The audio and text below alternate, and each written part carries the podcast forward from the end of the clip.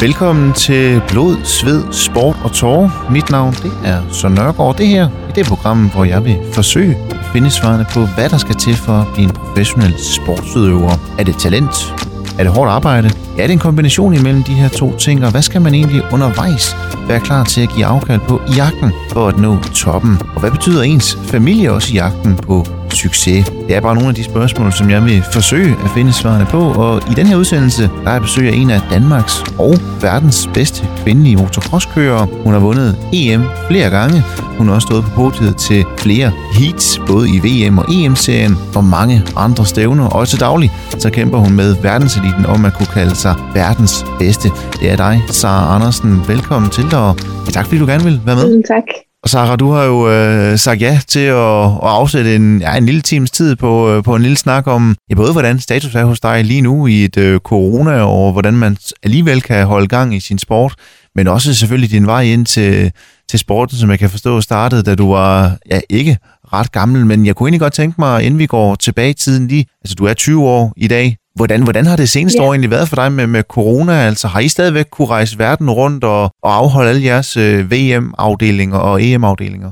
Nej, det er klart, at det, corona har haft en stor effekt på, på hele min sæson.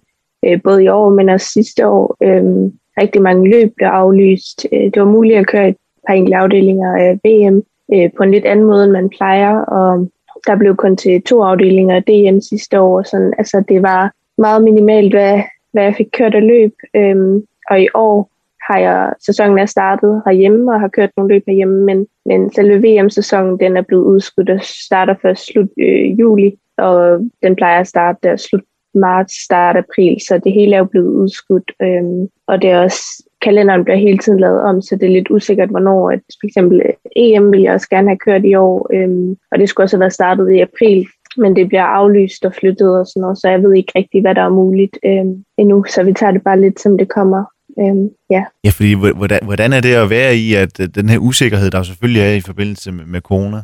Jamen, vi tager for eksempel sidste år, der startede sæsonen lige, og nåede lige at køre en afdeling af VM, øh, og så blev det hele lige pludselig aflyst, og man træner jo ligesom op til starten af sæsonen, og så var det lidt sådan, hvor meget skal man træne, for man ikke når ligesom at køre sig selv ud til, når der ikke er nogen løb, så man ikke er i topform der. Øh, så det har været svært at, at ligesom planlægge, hvornår man skulle peak på sin form og sin træning øh, på cyklen, så det har været ekstremt svært at planlægge. Øh, men sådan tænker jeg, det har været for alle, fordi at, ja, det har også, altså sidste år, der kunne jeg ikke rigtig komme ud og køre.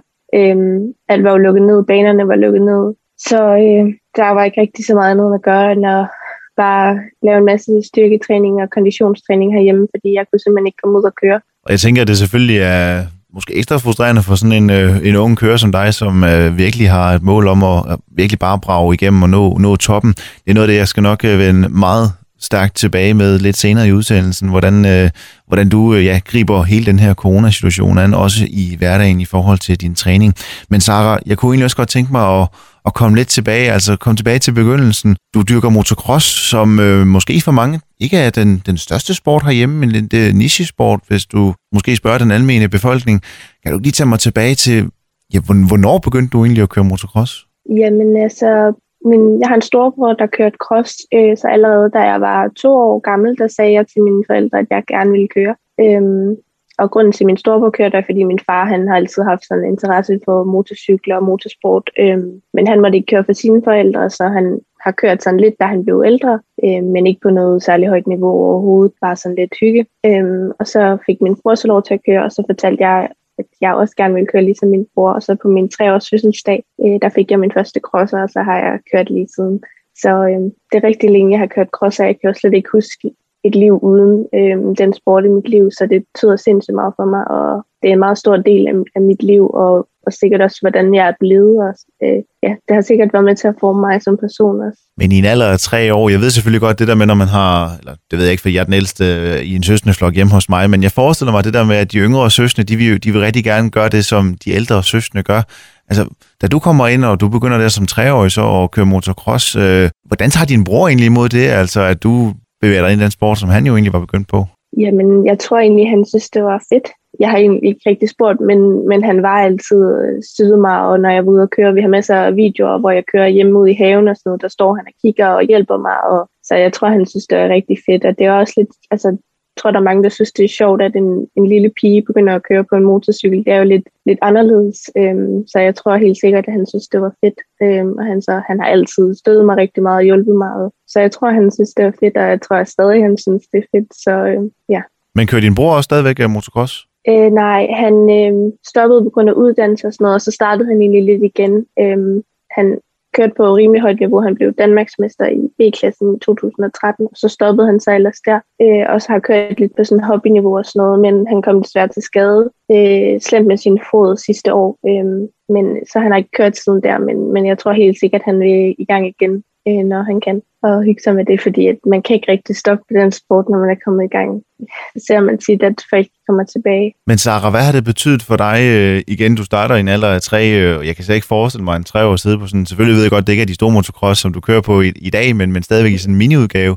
Men, men hvad, hvad har det så også betydet, at du har haft din, din bror, øh, som du også har kunne, kunne, kunne støtte og læne dig op af i, ja, i begyndelsen? Jamen altså, det har helt sikkert betydet rigtig meget. Øh, også ikke mindst fordi, at altså mine forældre har jo haft den, ligesom lært ham at køre, og han er vokset op, og så har de lært rigtig meget af det, sådan, hvad skal man gøre, og hvad skal man ikke gøre, så det har jo helt sikkert været en fordel for mig, at han har ligesom været lidt testkanin, kan man godt sige. Ikke? Øhm, det er helt klart en fordel at, at ligesom have nogen, der kender til sporten i familien. Øhm, og ser man også ud udlandet, altså det er jo tit, at øh, dem, der er gode, så bliver deres børn også gode, fordi de ved ligesom, hvad der skal til. Øhm, så det har været en, en stor hjælp, at min, min bror, han, øh, han har kørt, og han har både lært noget, som han har kunnet videre til mig, og mine forældre har lært noget af det, som de har kunne ændre for, at øh, det skulle blive bedre for mig. Men som du også sagde lige før, det her med motocross, øh, mange forbinder det måske mest af alt med, okay, det er en, det er en drengesport.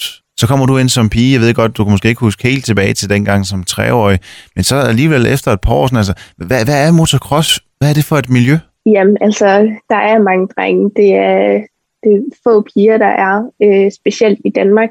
Øh, hvis du tager til f.eks. Holland eller sådan, så er der masser af piger, der kører. Øh, men i Danmark er det ikke så stort øh, inden for kvinderne. Øh, eller jo, vi har en masse, vi har nogle, rigtig mange gode piger faktisk, der gør det godt til VM og EM og sådan noget, men, men der er ikke så mange. Øh, så det er jo klart, at man ligesom ja, altså jeg ved det ikke, fordi at jeg har jo altid været der. Jeg har været der lige siden jeg var så to år, og var jeg også med på banerne, når min bror han kørte, øh, og sikkert også før det. Så jeg er vokset op med, med drenge, så det er jo klart, at det er noget lidt andet, øh, der måske bliver snakket om, end hvis det var fyldt med piger, og, og en måde, de er på. Ikke? Men jeg tænker, så, øh, men jeg tænker, man bliver vel også hurtigt sådan, altså, en, en del af drengene, øh, en del af gruppen, når, hvis, man ikke er, hvis, man, hvis man starter en klub, hvor der ikke er så mange piger, altså, så, så, så bliver det vel også bare hurtigt ja, hverdag. Eller blev der set sådan lidt skævt på, at du var pige, øh, fordi, hvad laver hun her? Skulle hun ikke hellere gå til noget, det ved ikke, svømning, gymnastik? Øh? Nej, jeg tror egentlig, alle synes, øh, det har været fedt, og det har aldrig været sådan, at jeg altså blevet lukket udenfor, og folk er sådan, mm, hun er en pige. Øh, jeg har altid, ja, som du siger, været lidt en del af drengene, øhm, og det har jeg også sådan taget med mig tit, når jeg har været i skole og sådan noget, så har det også faldt mig mest naturligt ligesom at være sammen med drengene. Øh, jeg har selvfølgelig også en masse veninder, men, men øh, det har altid været meget naturligt for mig ligesom at være sammen med drenge også. Øh, så ja, det, øh, det er meget normalt for mig. Øh, men samtidig har det også været lidt specielt, eller jeg synes, det er sjovt ikke, når Øh, hvis jeg, da jeg var mindre, og jeg ligesom kom hen til et løb, hvor der var nogen, der ikke kendte mig, så er det sådan tænkt, at jo, ah, oh, jeg kan sagtens køre for hende der pige, når det er altid sådan forældrene, og specielt fædrene, så lidt, du må ikke tabe til en pige. Øhm, men, men efterhånden, så, øh, så lærte folk mig jo at kende, og, og har kørt med mig. Mange af dem, som jeg kører med nu, har jeg også kørt med, fra jeg var lille, og altså, så er det jo ikke noget sådan specielt nu. Selvfølgelig gider de stadig ikke at tabe til en pige, men, øh, men de kender mig, og de ved også, om de er bedre eller dårligere, eller om, om de kan kæmpe med mig, eller om de bare burde køre fra mig, eller hvad man skal sige. Ikke? Så øhm, jeg har ligesom fundet lidt min plads i, i det hele. Men, men, men da du der tilbage som, som treårig starter til, til motocross, øh, jeg, jeg kan da huske fra min egen tid, som, øh, inden jeg blev 10 og også som, som teenager, der, der var flere forskellige sportsgrene indover, og man, man prøvede lidt, øh, lidt det, det forskellige. Var, var det, har, har du også prøvet det, eller har det i, i, i, tak, i takt med, at du startede som treårig, har det så bare været motocross øh, hele vejen, eller har du også prøvet både noget gymnastik og noget håndbold og svømning og, og fodbold, eller hvad der nu ellers kan være? Ja, det har jeg. Jeg har altid kørt cross, men, øh, men som vinteren har jeg tit også gået til for eksempel gymnastik, og jeg har også prøvet håndbold og jeg tror egentlig, det er det. Jeg gik til gymnastik i ret mange år, da jeg var lille. Øhm, fordi jeg havde tid om vinteren, der kørte man ikke helt så meget, og så gik jeg til gymnastik der, og så kørte cross om sommeren og også om vinteren, når det var værd til det. Øhm, og så har jeg gået til håndbold, men det var kun en enkelt sæson. Og sådan. Men, men jeg har da prøvet nogle forskellige sportsgrene, jeg elsker selv at dyrke sport, øh, altså alt. Øhm, alt muligt badminton og alt sådan noget. Jeg synes, det er mega sjovt, så idræt i skolen har også altid synes bare rigtig spændende at ligesom prøve de andre sportsgrene, fordi dem har jeg ikke haft så meget tid til at gå til nu, når jeg har kørt cross. Øhm, men jeg synes helt sikkert, at cross er den fedeste, ellers så havde jeg jo heller ikke blevet videre, så var jeg nok bare skiftet til en anden sportsgren. Ja, fordi... fordi at, altså, jeg har altid haft sådan forholdsvis nemt øh, sport, og nu bruger jeg jo sindssygt mange timer på det. Øhm, så jeg tror godt, at hvis jeg havde brugt mange timer på en anden sport, jeg også blevet god til det. Det er meget sådan mentalt, og hvordan man er som person, men og man bliver god til en sport. Øhm, selvfølgelig kræver det også noget talent, men jeg har altid haft nemt ved, ved det meste sport. Så, øhm. Men hvorfor, hvad, eller, hvad var det så, der ligesom adskilte motocross fra eksempel din, din, ene, din korte håndboldkarriere på en enkelt sæson? Altså, hvad var det lige, der gjorde, at, at motocross det trak mere end, end det andet? Jeg tror, noget af det, der i hvert fald spillede, det var det der med, det var en holdsport. Øhm, jeg havde lidt svært ved, at jeg ligesom skulle vinde og tabe alt efter os, hvordan de andre de gjorde det. Øh, det var faktisk ret svært for mig. Øh, ja, øh, og selvfølgelig er der også masser af andre individuelle, individuelle, individuelle sportsgrene, øh, men det er helt sikkert mere mig. Øh, og øh, ja, jeg synes bare, det er fedt cross, fordi det, altså, det kræver meget, man skal gøre meget for det. Det er en svær sport, øh, en hård sport, øh, og så er det også bare mega fedt. Altså, det, ja, det går hurtigt, og der er hop, og det, det er bare noget helt specielt, og jeg synes, det er mega fedt at køre cross. Og Sarah, du har kørt cross siden du var øh, tre år, det vil sige, du har kørt det i, i 17 år allerede nu. Ja. Kan du ikke lige, altså, da, da du først starter som treårig, der tænker jeg, okay, der handler det selvfølgelig ikke så meget om talent, altså, der handler det bare om, at man skal ud og køre, og som du siger, have det sjovt. Men, men, men altså, altså, hvor god var du egentlig til at køre motocross? Og hvornår begynder man sådan at, at sætte konkurrenceelementet på? Eller hvornår begynder trænerne at kunne se, okay, der er måske et eller andet i hende der Sarah? Jamen, altså, jeg begyndte allerede at køre løb og konkurrencer alt som treårig, og øh, der gjorde jeg det allerede godt, altså lige fra start. Øh, så det er helt klart noget, der bare har ligget til mig øh, at køre. Øh, og så ved jeg ikke, hvornår. Altså, så begyndte jeg at køre lidt internationalt, da jeg var det ikke, 12, eller 12 år eller sådan noget. Øh, så altså, man har hele tiden godt hvis jeg var lidt god der i starten, men, men det er der egentlig mange, der godt kan være til at starte med, men, men hvis man ikke gør det rette og blive ved med at træne og sådan noget, så fader det jo ligesom lidt ud. Øhm, men jeg har fået at vide, siden jeg var ja, de der 11-12 år, at hvis jeg blev ved med at, at køre, jamen, så, øh, så skulle jeg nok nå rigtig langt øhm, inden for den her sport. Så, så man har vidst det sådan forholdsvis tidligt, at jeg godt kunne blive god, hvis, hvis, øh, hvis jeg fortsatte med at, at træne hårdt. Men har det så også været med til at lægge måske et ekstra, et ekstra pres på dig, øh, i og med at folk har sagt til dig, at du egentlig, ja det ligner, at du har talent, hvis du netop bliver ved med at arbejde. Altså har du følt et ekstra pres, eller, eller har det egentlig bare været glæden, der har gjort, at du også stille og roligt har lagt mere og mere, ja, både flere træninger på cyklen, men så også den fysiske træning og mentale træning og så videre ovenpå? Jamen altså, jeg har jo, så længe jeg kan huske, altid drømt om at blive verdensmester, så det har også lidt været mit eget mål. Øh, og så det, at der er andre, der ligesom siger til mig, det kan godt lade sig gøre, hvis du, hvis du kæmper hårdt for det. Det har jo helt sikkert bare gjort mig mere motiveret, hvis man kan sige det sådan. Altså, det er jo fedt, der er nogen, der tror på en, øhm, hvis man bare gik helt alene og sagde, at jeg vil blive værksmester, og folk er sådan, at det kan du ikke. Så tror jeg ret hurtigt, at man vil, vil miste øh, motivationen og, til at ligesom at gøre det, hvis der ikke var nogen, der troede på en. Øhm, selvfølgelig er det vigtigt, at man selv tror på sig selv, men, men det er også rigtig vigtigt, at der er andre også, fordi at jeg ikke kan gøre det selv. Altså, jeg har brug for min familie og, og sponsor og alt sådan noget. Hvis der ikke var nogen, der troede på, at jeg kunne gøre noget, så ville jeg jo heller ikke få nogen sponsor. Øhm, og så ville jeg faktisk slet ikke kunne køre. Så øh, det har man helt sikkert brug for. Og netop den der del, den kommer vi også til at vende øh, meget mere tilbage til, altså sponsordelen, hvad den også betyder for netop, at du kan dyrke motocross på det niveau, som du gør lige nu. Men, men Sarah, da du der som treårig og også årene op mod 10, og inden du, ja måske de der 11-12 år, hvor du finder ud af, at det måske er sådan der, okay, det er for alvor godt for dig, du er sådan virkelig god. Så hvor, hvor meget træner man i begyndelsen motocross? Er det sådan ligesom man kender med, med alle andre fodbold håndbold, altså det er et par gange om ugen, eller er det én gang om ugen? Altså, hvor, hvor meget lagde du i motocross dengang? Mm, det ved jeg faktisk ikke. Øh, kan jeg overhovedet ikke huske det. Men jeg tænker, jeg har kørt, når banerne har været til det. Det er jo meget mine forældre, der ligesom har styret der, hvornår jeg skulle ud og køre. Øh, men jeg tænker, i sommerperioden har jeg da været ude og køre nok en, gang om ugen i hvert fald. Øhm, ja, jeg kørte meget i Svendborg, da jeg var lille, så det var hver onsdag, så tog vi ned og kørte cross. Øhm, tror jeg. så, det tror jeg i hvert fald, det var. Øhm, men hvad så, men hvad så? Jo ældre jeg er blevet, jo mere har jeg begyndt at, at køre også. Ja, fordi lad mig så spørge ind til netop, som du siger, at du så er blevet ældre og kan huske lidt mere selv, end da man, da man var tre år. Ja. Er, er det så, nu siger du, du, du siger, at du begynder at træne, træne flere gange. Er det så to-tre gange om ugen, eller, eller hvor ofte var man så på, på banen? Jamen igen er det lidt forskelligt nu også, hvor meget jeg træner på cyklen. Det afhænger meget af vejret og tid på sæsonen. Så noget. Klart i sommerperioden, der kører jeg noget mere og træner måske et par, par gange i løbet af ugen, og så er der altid løb i weekenden og sådan noget. Så det er jo ret mange gange, jeg kører.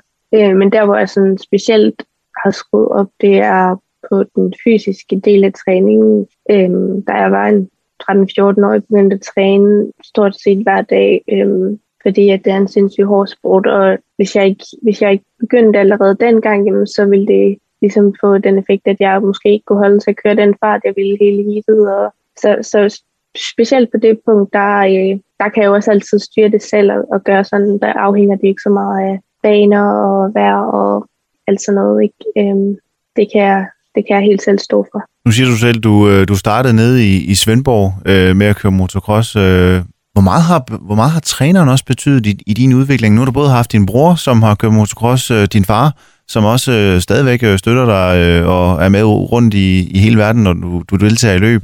Men, men hvor meget har træneren også haft betydning for den udvikling, du har været igennem? Ja, men det er sådan, når man starter til cross, så står man egentlig for det hele selv. Det er ikke sådan, at du tager ned og træner øh, på en crossbane, og så står der en og fortæller dig, hvad du skal gøre. Øh, og det er også derfor, at det er rigtig vigtigt, at man har nogen i familien, der ved, hvad det går ud på, hvad man skal. Så min far har egentlig altid været min træner og mekaniker og det hele. Øhm, derfor man har brug for sådan en familie og team, fordi at de skal både hjælpe dig til at blive bedre og lave crosser, og mine forældre rejser også altid rundt med mig øh, til alle løbende nu, øh, og har altid gjort. Så min far, han har, han har trænet mig lige siden jeg var lille. Øhm, og så har der nogle gange været lidt nogle trænere indover, og der har været lidt nogle samlinger, og sådan lidt nogle talentsamlinger, hvor der har været en, en træner, og nu bliver jeg også trænet af landstræneren, øhm, og har gjort det i nogle år, øh, indimellem i hvert fald. Men, men min far, han er der jo altid, så han er, han er min træner altid, og så er der nogle gange, at der også lige er en ekstra landstræner for eksempel. Hvad har det så betydet, at din, øh, din familie, altså både din mor og din far, de har været også klar på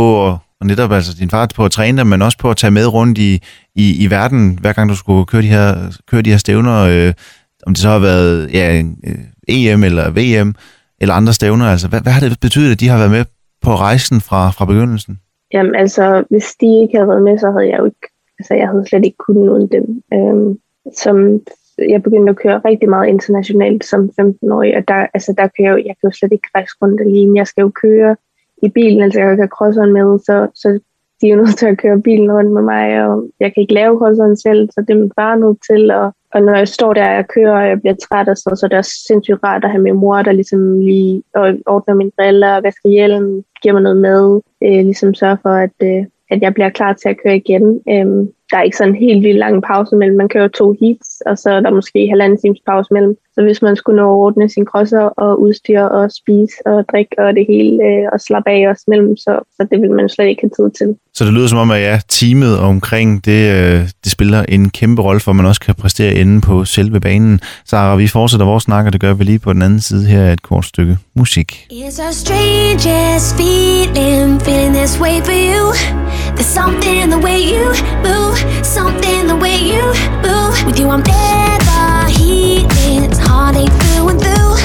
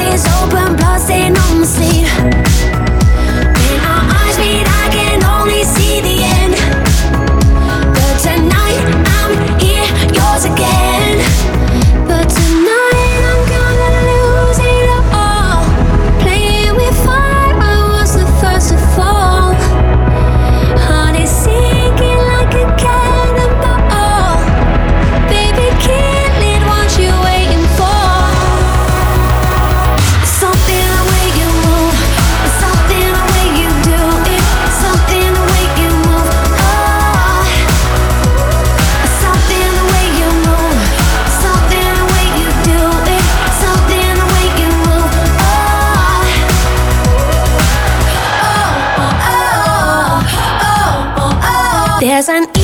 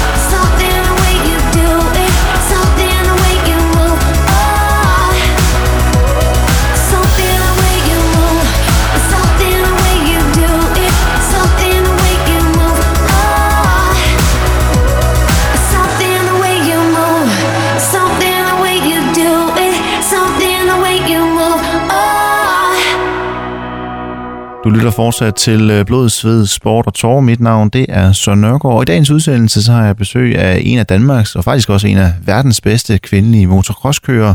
Det er 20-årig Sara Andersen, som jeg har vundet EM af flere omgange, og kæmper så også om at, at få den her helt store titel om at kunne kalde sig for verdens bedste. Det er målet.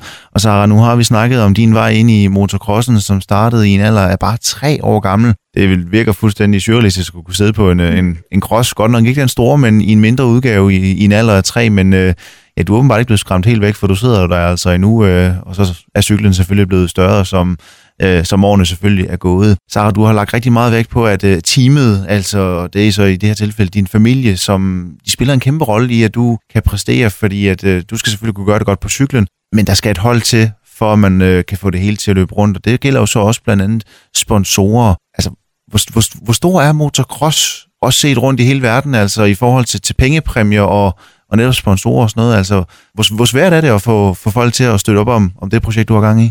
Det er sindssygt svært, øhm, og specielt som kvinde, så er det rigtig svært at komme til at leve af den her sport.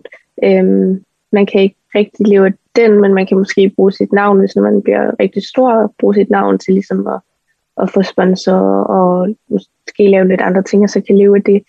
Øhm, men af selve sporten, altså du får, hvis du vinder VM, får du ikke en krone, hvis du ikke har lavet en aftale med, med et team eller et eller andet om at få den her bonus for at vinde. Øhm, eller en sponsor, der ligesom giver dig en eller anden bonus for, for at lave de resultater, de ønsker. Øhm, der er ikke præmiepenge. Det eneste sted, jeg nogensinde har prøvet at køre, hvor der var præmiepenge, det er i Sverige.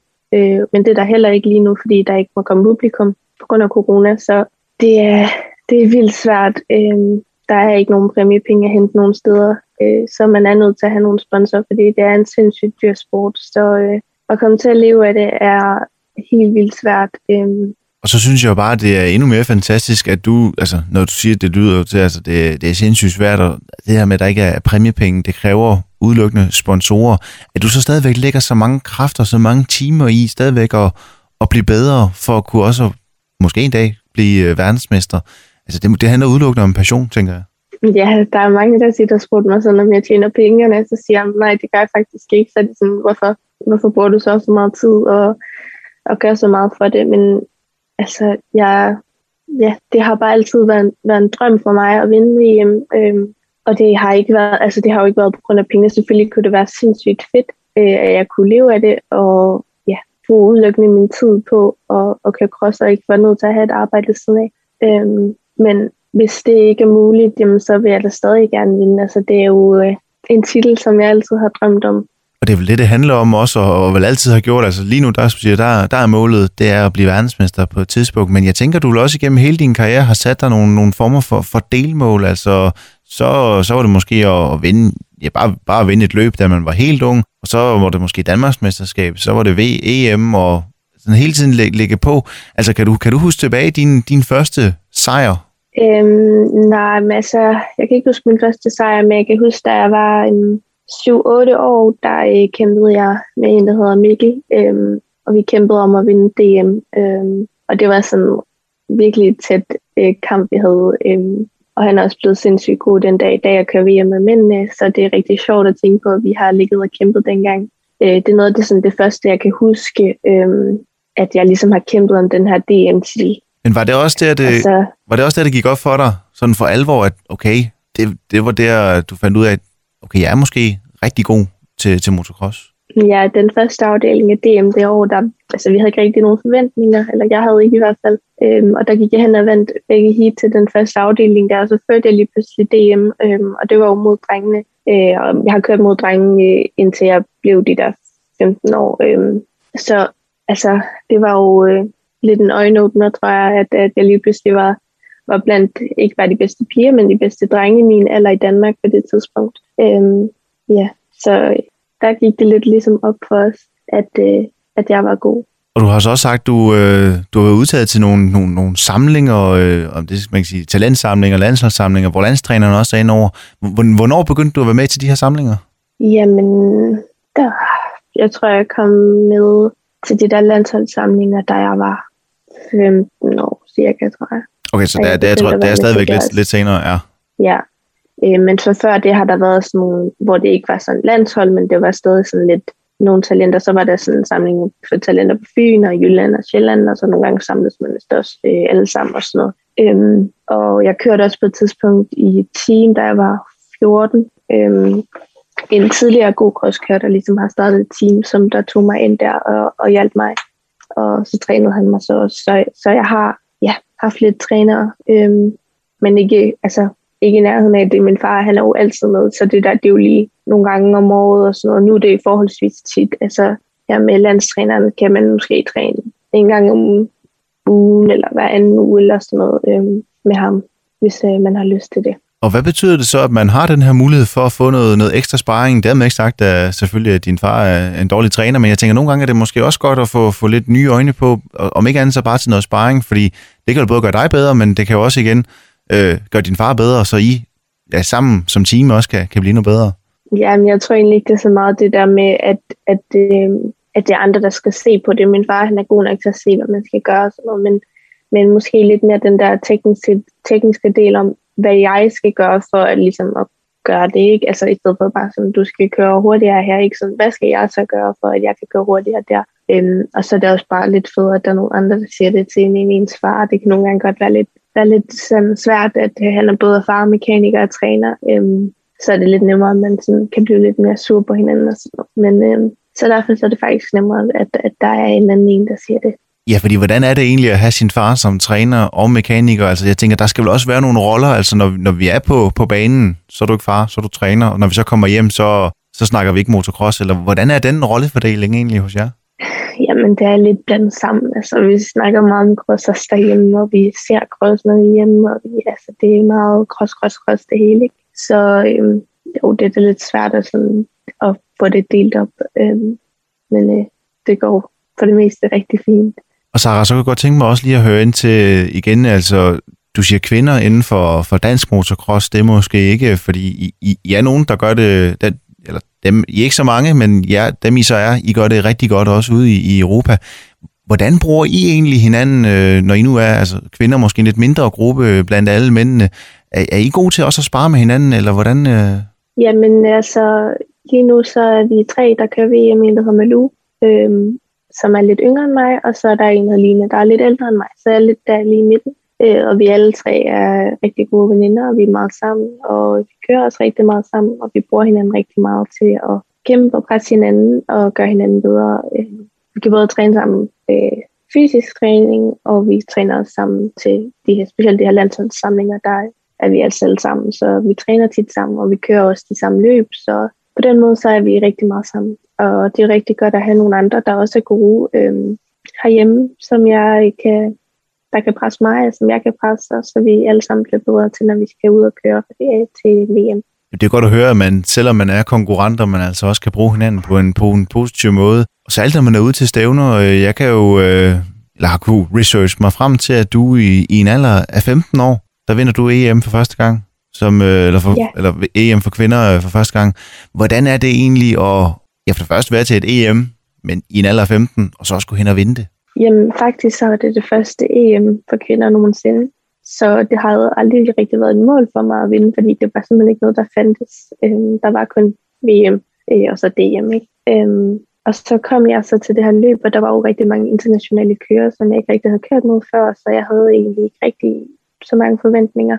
Der var den her anden dansker, som også var rigtig god, der hed Julie Dalgaard. Hun er stoppet nu, men øh, hun gjorde det også rigtig godt til VM og sådan noget.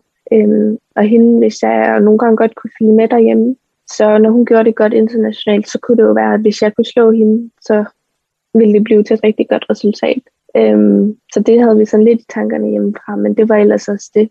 Øh, og så kom jeg derhen, og, og det var sådan lidt specielt. Nu kører man flere afdelinger, men dengang var det bare lige øh, kun en weekend, og så kørte man tre heat, og så den der flest point for de heat vandt så EM, fordi det var den her første gang. Øh, men der kom rigtig, rigtig, rigtig mange piger øh, til det her løb.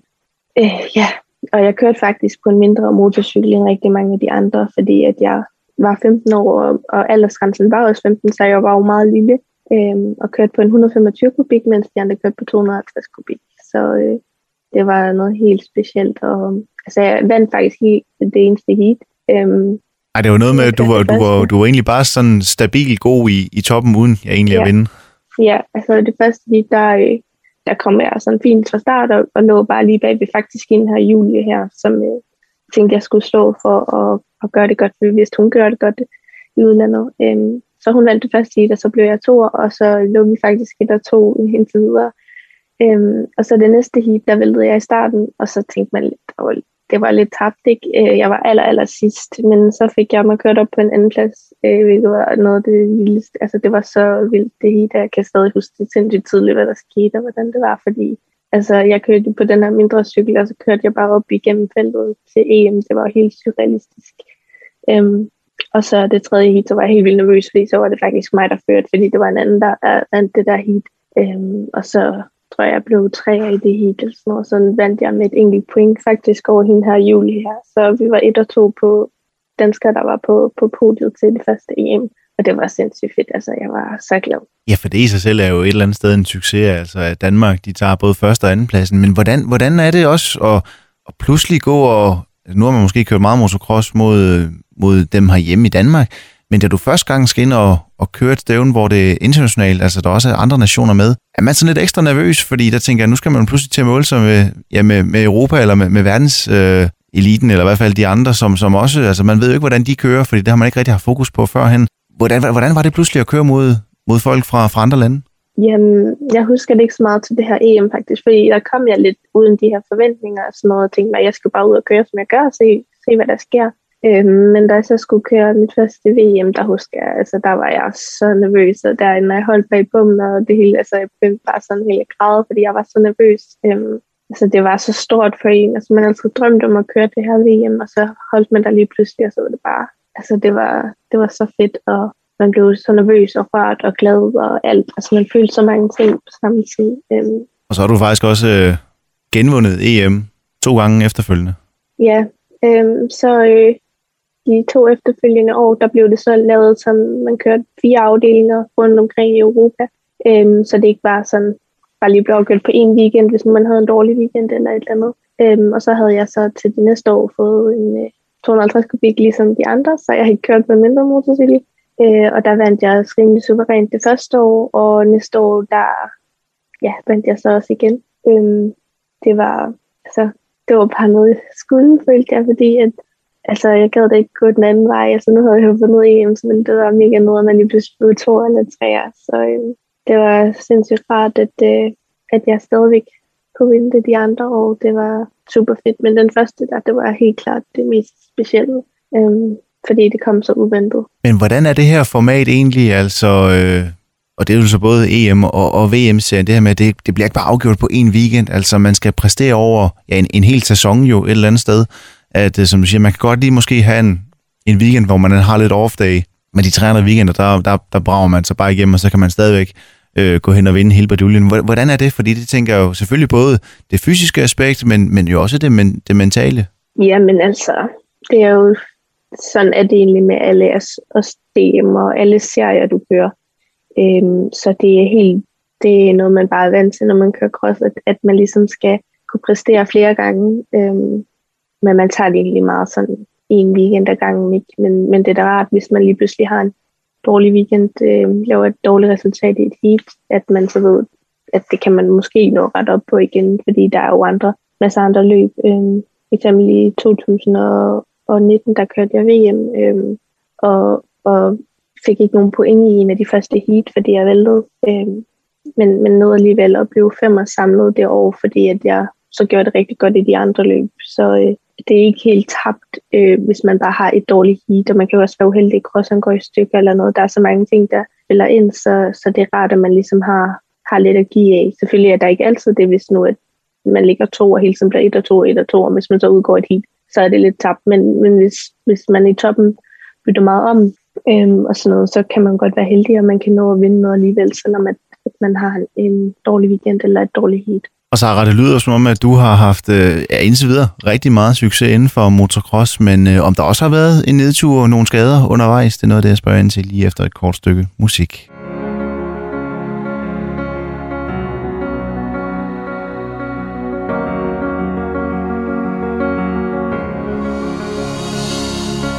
Fremmede, hvem er du? Var her aldrig før, så hvorfor nu? Hvis det kun er leg, så gå hjem. For jeg sænker ikke mit skjold så let igen. Jeg har elsket før, men hun fløj. Og jeg byggede mig en mur, som var så høj. Og nu står du der og du banker på. Og du spørger om jeg tør lade mit hjerte slå. Men se mig. Se mig. Jeg har altid kun kunne gå min egen vej. Og jeg har prøvet at få dig ud af mit hoved. Men som om jeg ikke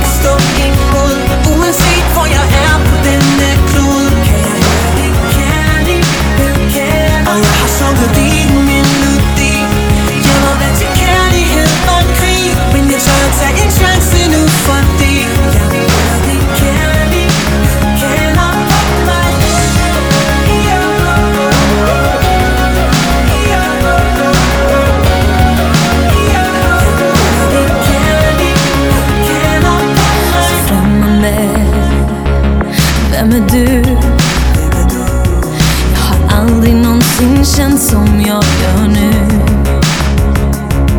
Kan jag våga tro? на меня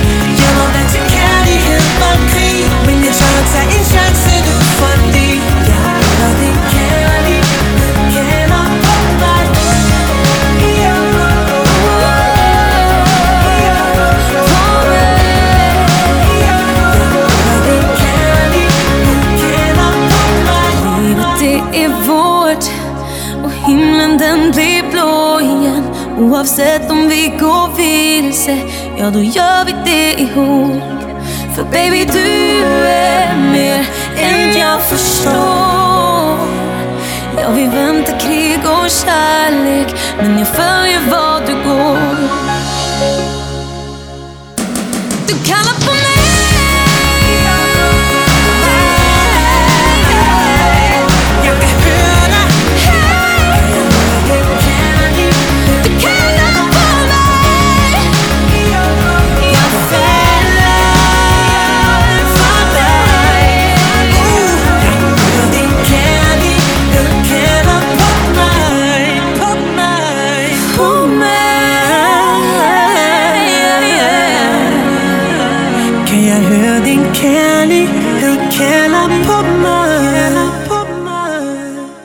Du lytter stadigvæk til Blodsved, Blod, Sved, Sport og Tor. Mit navn det er Søren Nørgaard, og i dagens udsendelse så har jeg en af Danmarks og verdens bedste kvindelige motocrosskører med. Det er 20-årige Sara Andersen. Og Sara, vi har været igennem din, øh, ja, din, din vej ind til motocrossen og tiden op til, hvor man ja, begynder at træne mere. Man begynder at køre internationale stævner, og ja, du har også vundet EM, det første EM for kvinder nogensinde, i, øh, i en alder af 15 år. Og det lyder jo egentlig som om, at, øh, at du egentlig helt fra, fra barnsben har været rigtig god til motocross, og det er faktisk kun gået en vej. Men, men, men, men har der også været nogle nedture undervejs, øh, nogle, nogle skader, som også har gjort, at du er blevet sat lidt tilbage, eller, eller har det bare været, ja, en øh, opadgående formkurve hele vejen? Nej, det er klart, at ligesom for alle andre, så øh, går det både op og ned. Øhm, og jeg har været forholdsvis heldig i at holde mig væk fra, fra skader rigtig meget i tiden. Øhm, og når jeg er kommet til skader, det er nogle lidt, lidt små skader, som, som har gjort, at jeg måske holdt pause i der er fire uger, så har jeg været tilbage på cyklen. Øhm, men øh, i starten af 2020, der øh, væltede jeg og rev ledbånden over uden min skulder, der holder kravbenet. Øhm, og det var egentlig ikke så længe, der gik, før jeg var tilbage på cyklen, men det var noget, jeg stadig øh, eller havde problemer med rigtig lang tid efter, og kan stadig mærke det. Og det var altså 1. marts 2020, eller sådan deromkring, at at, at det skete. Så det er helt klart det værste, jeg har prøvet. Øhm, at, altså, det er sindssygt irriterende. Jeg kan stadig nogle gange, så hvis jeg skal lave en armbøjning nu, eller sådan noget, det gør rigtig ondt øhm, lige der. Og det, ja. Så det er noget, der stadig sådan plager mig lidt. Men ellers så har jeg været rigtig heldig med, med at, at ikke have alt for mange skader. Ja, for hvordan, hvordan påvirker det dig, at du har det her, altså du kan mærke det op i skulderen, fordi altså fysikken spiller jo en kæmpe rolle, når man sidder på sådan en motocross her, altså fordi det er jo, det er jo særlig armene, du også bruger, så det er rimelig vigtigt, et rimelig vigtigt sted, du er, er blevet skadet, altså hvordan, hvordan påvirker det dig? Jamen i starten, da jeg begyndte at køre, øh, der, altså, jeg kunne køre ret længe ad gangen, fordi så begyndte det simpelthen at gøre for ondt, og jeg blev ligesom sådan træt i hele armen, fordi altså, det virkede jo ikke ordentligt. Altså kravben, det sidder stadig ikke noget på skulderen. Det er ikke noget, de kan lave. Øhm, så jeg skulle ligesom have trænet musklerne op omkring, for at min arm ville føles lidt mere normal igen.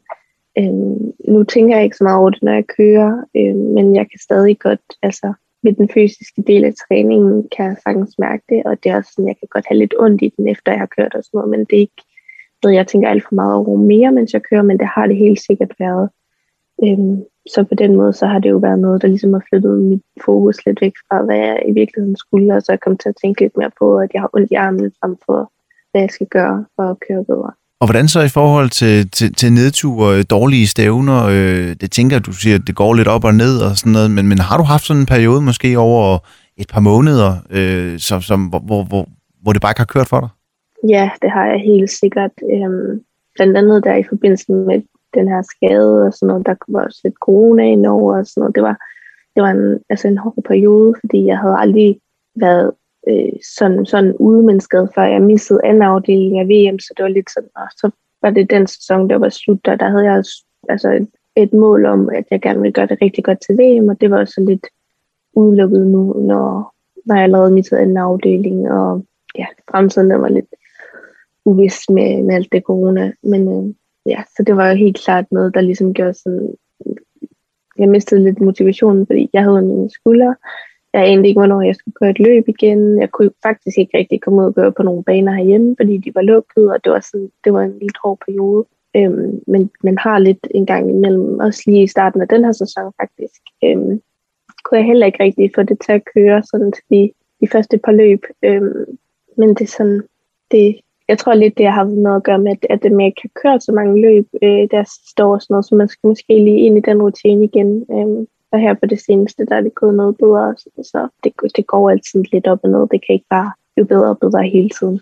Men er det så sådan, at du i, i de her lidt hårde perioder, øh, takler du det meget selv, eller bruger du så din far til at, at spare med, eller nogle af de andre kvindelige motocrosskører om, hvordan man ligesom kommer op øh, eller kommer videre derfra? Jamen altså, jeg snakker jo med, med alle om det. Jeg snakker både med mine forældre om det, jeg snakker med landtrænerne om det, jeg snakker med mine veninder om det. Altså, jeg snakker med, med alle de tætteste personer, jeg har omkring, hvad, altså, når det går dårligt, så snakker vi jo om, hvad det er, der går galt, altså hvad, hvad der er årsagen til det, øhm, så vi kan få det ændret. Øhm, ja, eller også at bare, at okay, jeg har lige en dårlig dag, det har man jo også en gang imellem, og så, og så er det det ikke. Øhm, men jo, jeg snakker da med nogen om det.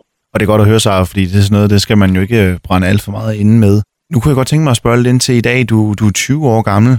Øh, du blev student sidste år, øh, sidste sommer. Hvordan i forhold til, til, til uddannelse? Nu har du sagt, at, at det er meget svært at komme til at leve af motocross, fordi præmiepenge, det er der ikke rigtigt. Selvfølgelig er der masser af sponsorer, man kan få ind, som, som kan støtte en og sponsorere en, så man kan komme ud og køre, trods alt de store løb ude i, i verden.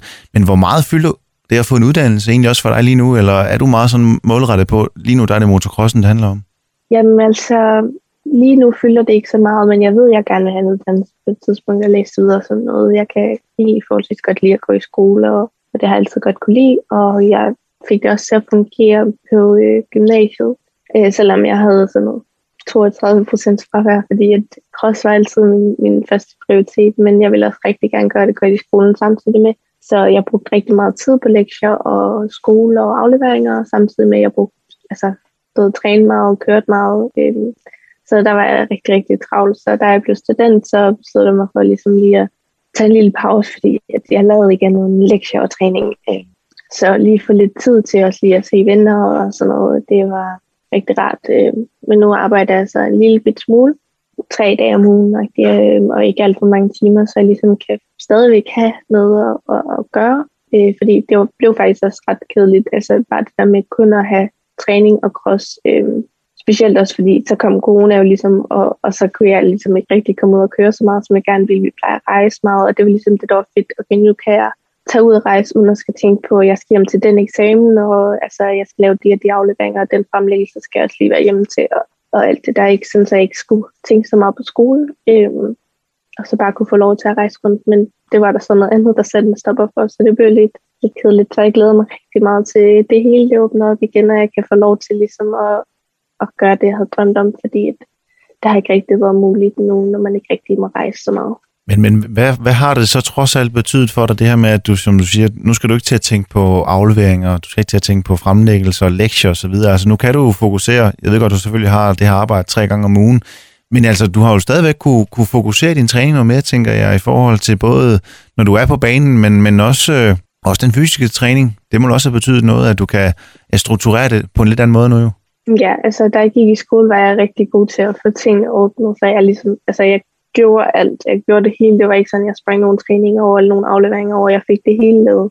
Øhm, men det er klart, når jeg er ude til løb og, og ude at rejse og sådan noget, det er rart, at jeg ikke har en eller anden aflevering i baghovedet. Altså, jeg kan fokusere 100% øhm, på, på selve løbet, men faktisk tænkte jeg, at det, det ville være endnu bedre, end det er. Ikke? Altså, det var også rigtig fint at ligesom have skolen, hvor man så lige koblede af for cross, øhm, og så det, sådan så man ligesom havde to ting ligesom at fokusere på, øhm, frem for bare cross. Men altså det, det er også godt ikke, men jeg havde øh, forventet, at det faktisk ville være bedre ikke at, at skulle gå i skole, men, men det viste sig, at det ikke var så dumt endda øh, at have, have det at gå op i os. Det er vel også derfor, du tænker uddannelse ind i det, sådan så man netop som du siger, man har ja, motocross-delen, og så har man ja, uddannelsesdelen ved siden af. Ja, heldigvis så er det, at der er det der Team Danmark støtte øh, på på universiteter og sådan noget, der gør det muligt, at man kan, man kan tage en uddannelse samtidig med, at man, øh, man dyrker sport på rigtig høj plan. Så jeg skal bare finde ud af, hvad det er, jeg vil læse til, og så tænker jeg ikke, det er noget problem. Øh, det er faktisk ja, bare det der er problemet, at jeg ikke lige ved helt, hvad jeg, hvad jeg vil lide. Men så, det skal du nok finde ud af. Ingen, ingen stress på den front, tænker jeg. Nej. I stedet noget, jeg godt lige kunne tænke mig at få fat i, også øh, inden vi, vi nærmer os jo så stille og roligt øh, vores afslutning på, på den, her, den her dejlige snak, som vi har gang i. Men Sara, du, du har selv sagt, at altså corona, det har været et underligt år, og du har været småskadet, og sidste år, der ødelagde lidt din, din, din chance inden for VM-serien. Men hvordan ser det ud nu? Altså, øh, øh, hvad, hvad, hvad er dit mål for 2021 her? Øh, hvor vi jo er godt i gang med, med 2021, men, men altså, ligger du stadig godt til i forhold til, e, til VM-serien? Er den overhovedet kommet i gang på grund af corona, eller hvordan, hvordan er status lige nu? Jamen, øh, sæsonen for VM, den er ikke kommet i gang endnu, øh, og der er faktisk lidt tid til, det er slut juli, at den starter. Øhm, men jeg har store mål og drømme om at gøre det rigtig godt. Øh, jeg har jo tidligere lavet nogle top 3 placeringer i nogle heat også og blev to år til en afdeling øh, allerede tilbage i 2019. Øhm, så jeg ved, at jeg kan, kan være med helt i toppen, når det, det går godt for mig. Så øh, jeg gør en masse for at sørge for, at jeg er i god form, og jeg kører godt til, når sæsonen starter. Så håber jeg på, at jeg kan, kan være stabil i toppen og, og forhåbentlig øh, komme i top 3, når sæsonen den er slut. Sara, det håber jeg selvfølgelig rigtig meget på, at det kan, kan lade sig gøre, når øh, VM-sæsonen, serien forhåbentlig starter her i slutningen af juli måned. Jeg har lige på enkelte spørgsmål tilbage, også inden vi er helt færdige for i dag, Sarah, og øh, dem stiller jeg på den anden side af et kort stykke musik.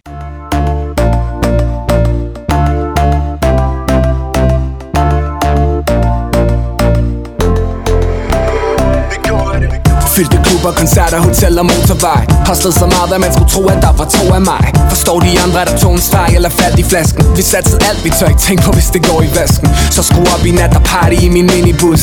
For det første er der stille, man hører tinnitus. To flasker champagne, som vi trækker fra. Minus og minus, ikke? Det giver plus. Den her for alle de somre Hvor vi stod bagerst i køen med tomme lommer. Men stadig følte, at alt kunne ske Hvis bare vi lærte CPR på vores falske idé. Sodavandsflasker med slave vodka. Har været real siden Snake på din Nokia. Jeg så på himlen, da jeg vågnede i morges Og tænkte, den her sommer, den er vores. De siger, bliv rig eller dø, mens du prøver på det. Jeg dør for at dø og blive til historie. Rulle op med mit crew i en A8 Taget flået af, råbe, fuck vi gjorde det, men ikke vi gjorde det. Jeg tror aldrig, jeg har drømt om mere End at se din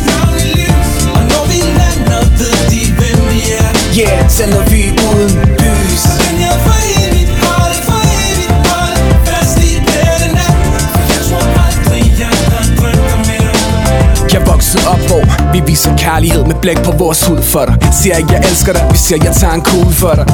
Kommer nok lidt for tidligt i gang. Vores venner siger, det har ramt, selv danskerne har accent herude. De talte et andet sprog, der hvor jeg boede. Hemmelig slang for kokain, kald det stregkode. Glem de røver historier, rappers de kommer med. Vi mistede venner på begge sider af stofferne, så.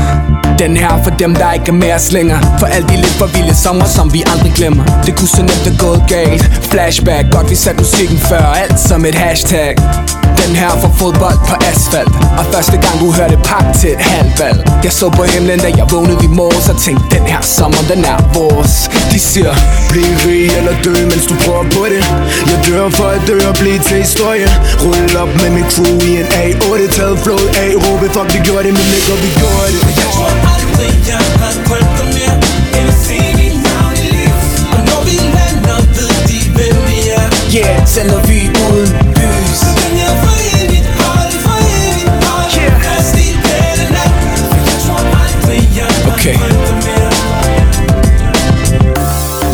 om det, men værd at vente på. Stadig nogle af dem, der gjorde det uden et talentshow Hvis de bare kunne se os nu Vi gjorde alt det, de sagde, vi ikke kunne.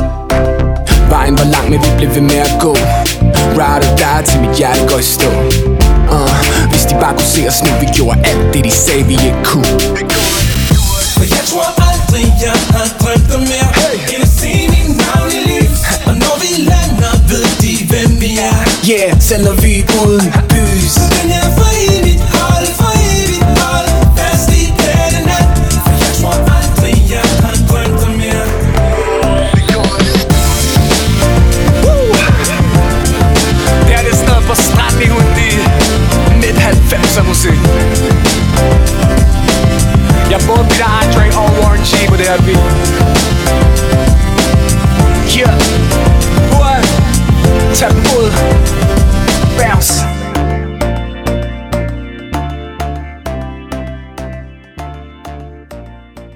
Du lytter stadigvæk til Blod, Sved, Sport og Tår. Mit navn det er Søren Nørgaard. Og i dagens udsendelse så har jeg eh, en af Danmarks og verdens bedste kvindelige motocrosskører med. Det er 20-årige Sara Andersen, som øh, jeg har vundet EM tre gange, vel at mærke, i, øh, i streg, så vidt jeg lige husker, og øh, har store drømme inden for, for VM-serien også.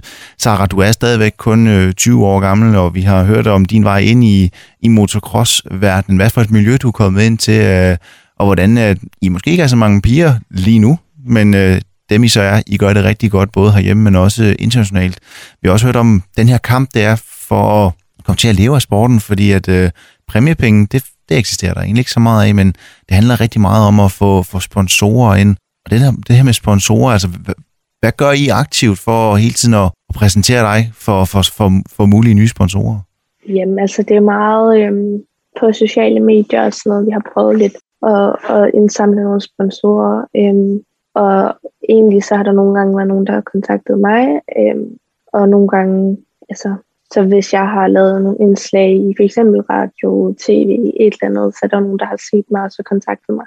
Øhm, fordi at, at jeg siger, at jeg gerne vil have sponsorer, så hvis de er interesseret i det, øhm, så kontakter de mig så, så kan man finde ud af det. Øhm, og så altså det, vi gør aktivt, og sådan, det, der er meget normalt, er jo bare, at man ligesom har deres logo for deres øh, virksomhed, eller et eller andet, det har jeg på tøj, eller på crosseren, eller et eller andet, og så bliver man selvfølgelig nævnt, øh, når jeg poster noget på, på sociale medier. Øh, ja, det er sådan set det, man kan gøre. Ikke? Der er ikke så meget øh, andet, jeg kan gøre. Nej, som du siger, når gør, gør, gør de sponsorer, man har nu, gør dem synlige, og så selvfølgelig gør det godt til de løb, man så også ud i, sådan, så man kan få øh, eksponeret endnu mere. Sara, når du træner i dag, nu tænker jeg selvfølgelig ikke øh, den fysiske træning, du laver ved siden af, men, men, men, men også, altså når du er på banen, tænker du meget over det her med, at du er en af Danmarks bedste, og du også ligger og kører VM-serier, du har vundet EM et par gange og sådan noget, eller, eller er du bare en del af, af gruppen, fordi du, du er stadigvæk kun 20 år, så du er stadig meget ung, men, men, men er du allerede begyndt at tænke, at du kan være et forbillede for, for andre unge motocrosskører, kvindelige motocrosskører, som er på vej ind i motocross? Jamen, altså, det er ikke noget, jeg tænker over sindssygt tit, men, men der er der altid nogen, der for eksempel skriver til mig, eller jeg kommer hen til mig på banen og siger, at de synes, jeg er mega god, og, og tit nogle små, både drenge og piger og sådan noget, der ligesom ser lidt op til mig. Og det synes jeg, det er sindssygt fedt, at jeg ligesom kan inspirere andre. Øhm, det er lidt surrealistisk, at der er nogen, der sådan ser op til en, øhm, men, øh, men det er sindssygt fedt. Ja, fordi altså, igen, du er kun 20 år, men, men i din, i din dagligdag, når du er nede og træne, altså, så er der vel kun fokus på, at igen, du skal bare blive bedre. Ja, helt sikkert. Det er ikke noget, så når jeg tager ned og træner, for eksempel på Svendborg, jamen, altså, jeg har jo bare, træner bare, man kører, man har bare 20 minutters træning, hvor man kan gøre, hvad man vil. Ikke? Øh, så jeg træner jo bare mit eget og, og kører, som, som jeg egentlig altid har gjort, og snakker med dem, jeg startede med, da jeg var helt lille. Og, altså, det, altså, det er også hyggeligt for mig at komme til cross, ikke? fordi man har så mange venner på crossbanen, så man ja, tager det meget stille og roligt. Når man på banen, så træner man og gør det, man skal der, og så når man øh, holder pause, så kan man så være sammen med sine venner og snakke med dem. Øhm, så det, øh, det er rigtig rart at komme til, til cross, specielt også noget i, noget i Svendborg, som er der, jeg altid har holdt til. Så jeg kender rigtig mange dernede. Og her til allersidst, Sarah, vi nærmer os øh, med hastig skridt øh, den her time. Hvad er det bedste råd, du kan give videre til, til unge, som øh, ja, enten ser op til dig, eller, eller bare gerne vil prøve motocrossen af øh, og på vej ind i sporten? Hvad, hvad er det bedste råd, du kan give til unge folk, som, som tænker, at øh, deres fremtid den skal ligge inden for motocross? Jamen altså, de skal sørge for at have nogle øh, bag sig, man skal have et team med, for man kan ikke gøre det alene. En familie, der ligesom støtter op omkring, medmindre man er altså, ældre og godt selv kan lave crossen og sådan noget, men det er helt vildt vigtigt at ligesom have nogen, øh, der kan hjælpe en, fordi man kan, ikke, øh, man kan ikke bare gøre det selv. Så det er altså den vigtige lære, hvis man skal ind i motocrossen. Det kan godt være, man har talentet, man har passionen for det, men det handler altså også om at have folkene bag, sådan så man øh, ja, altså ikke står alene. Sara, jeg siger mange tak, fordi du gerne vil være med øh, i den her udsendelse, og så vil jeg ønske dig rigtig meget held lykke med din øh, karriere for motocross, og også med VM-serien, som jo altså forhåbentlig starter her i slutningen af juli måned. Tak fordi du var med, Sara. Selv tak.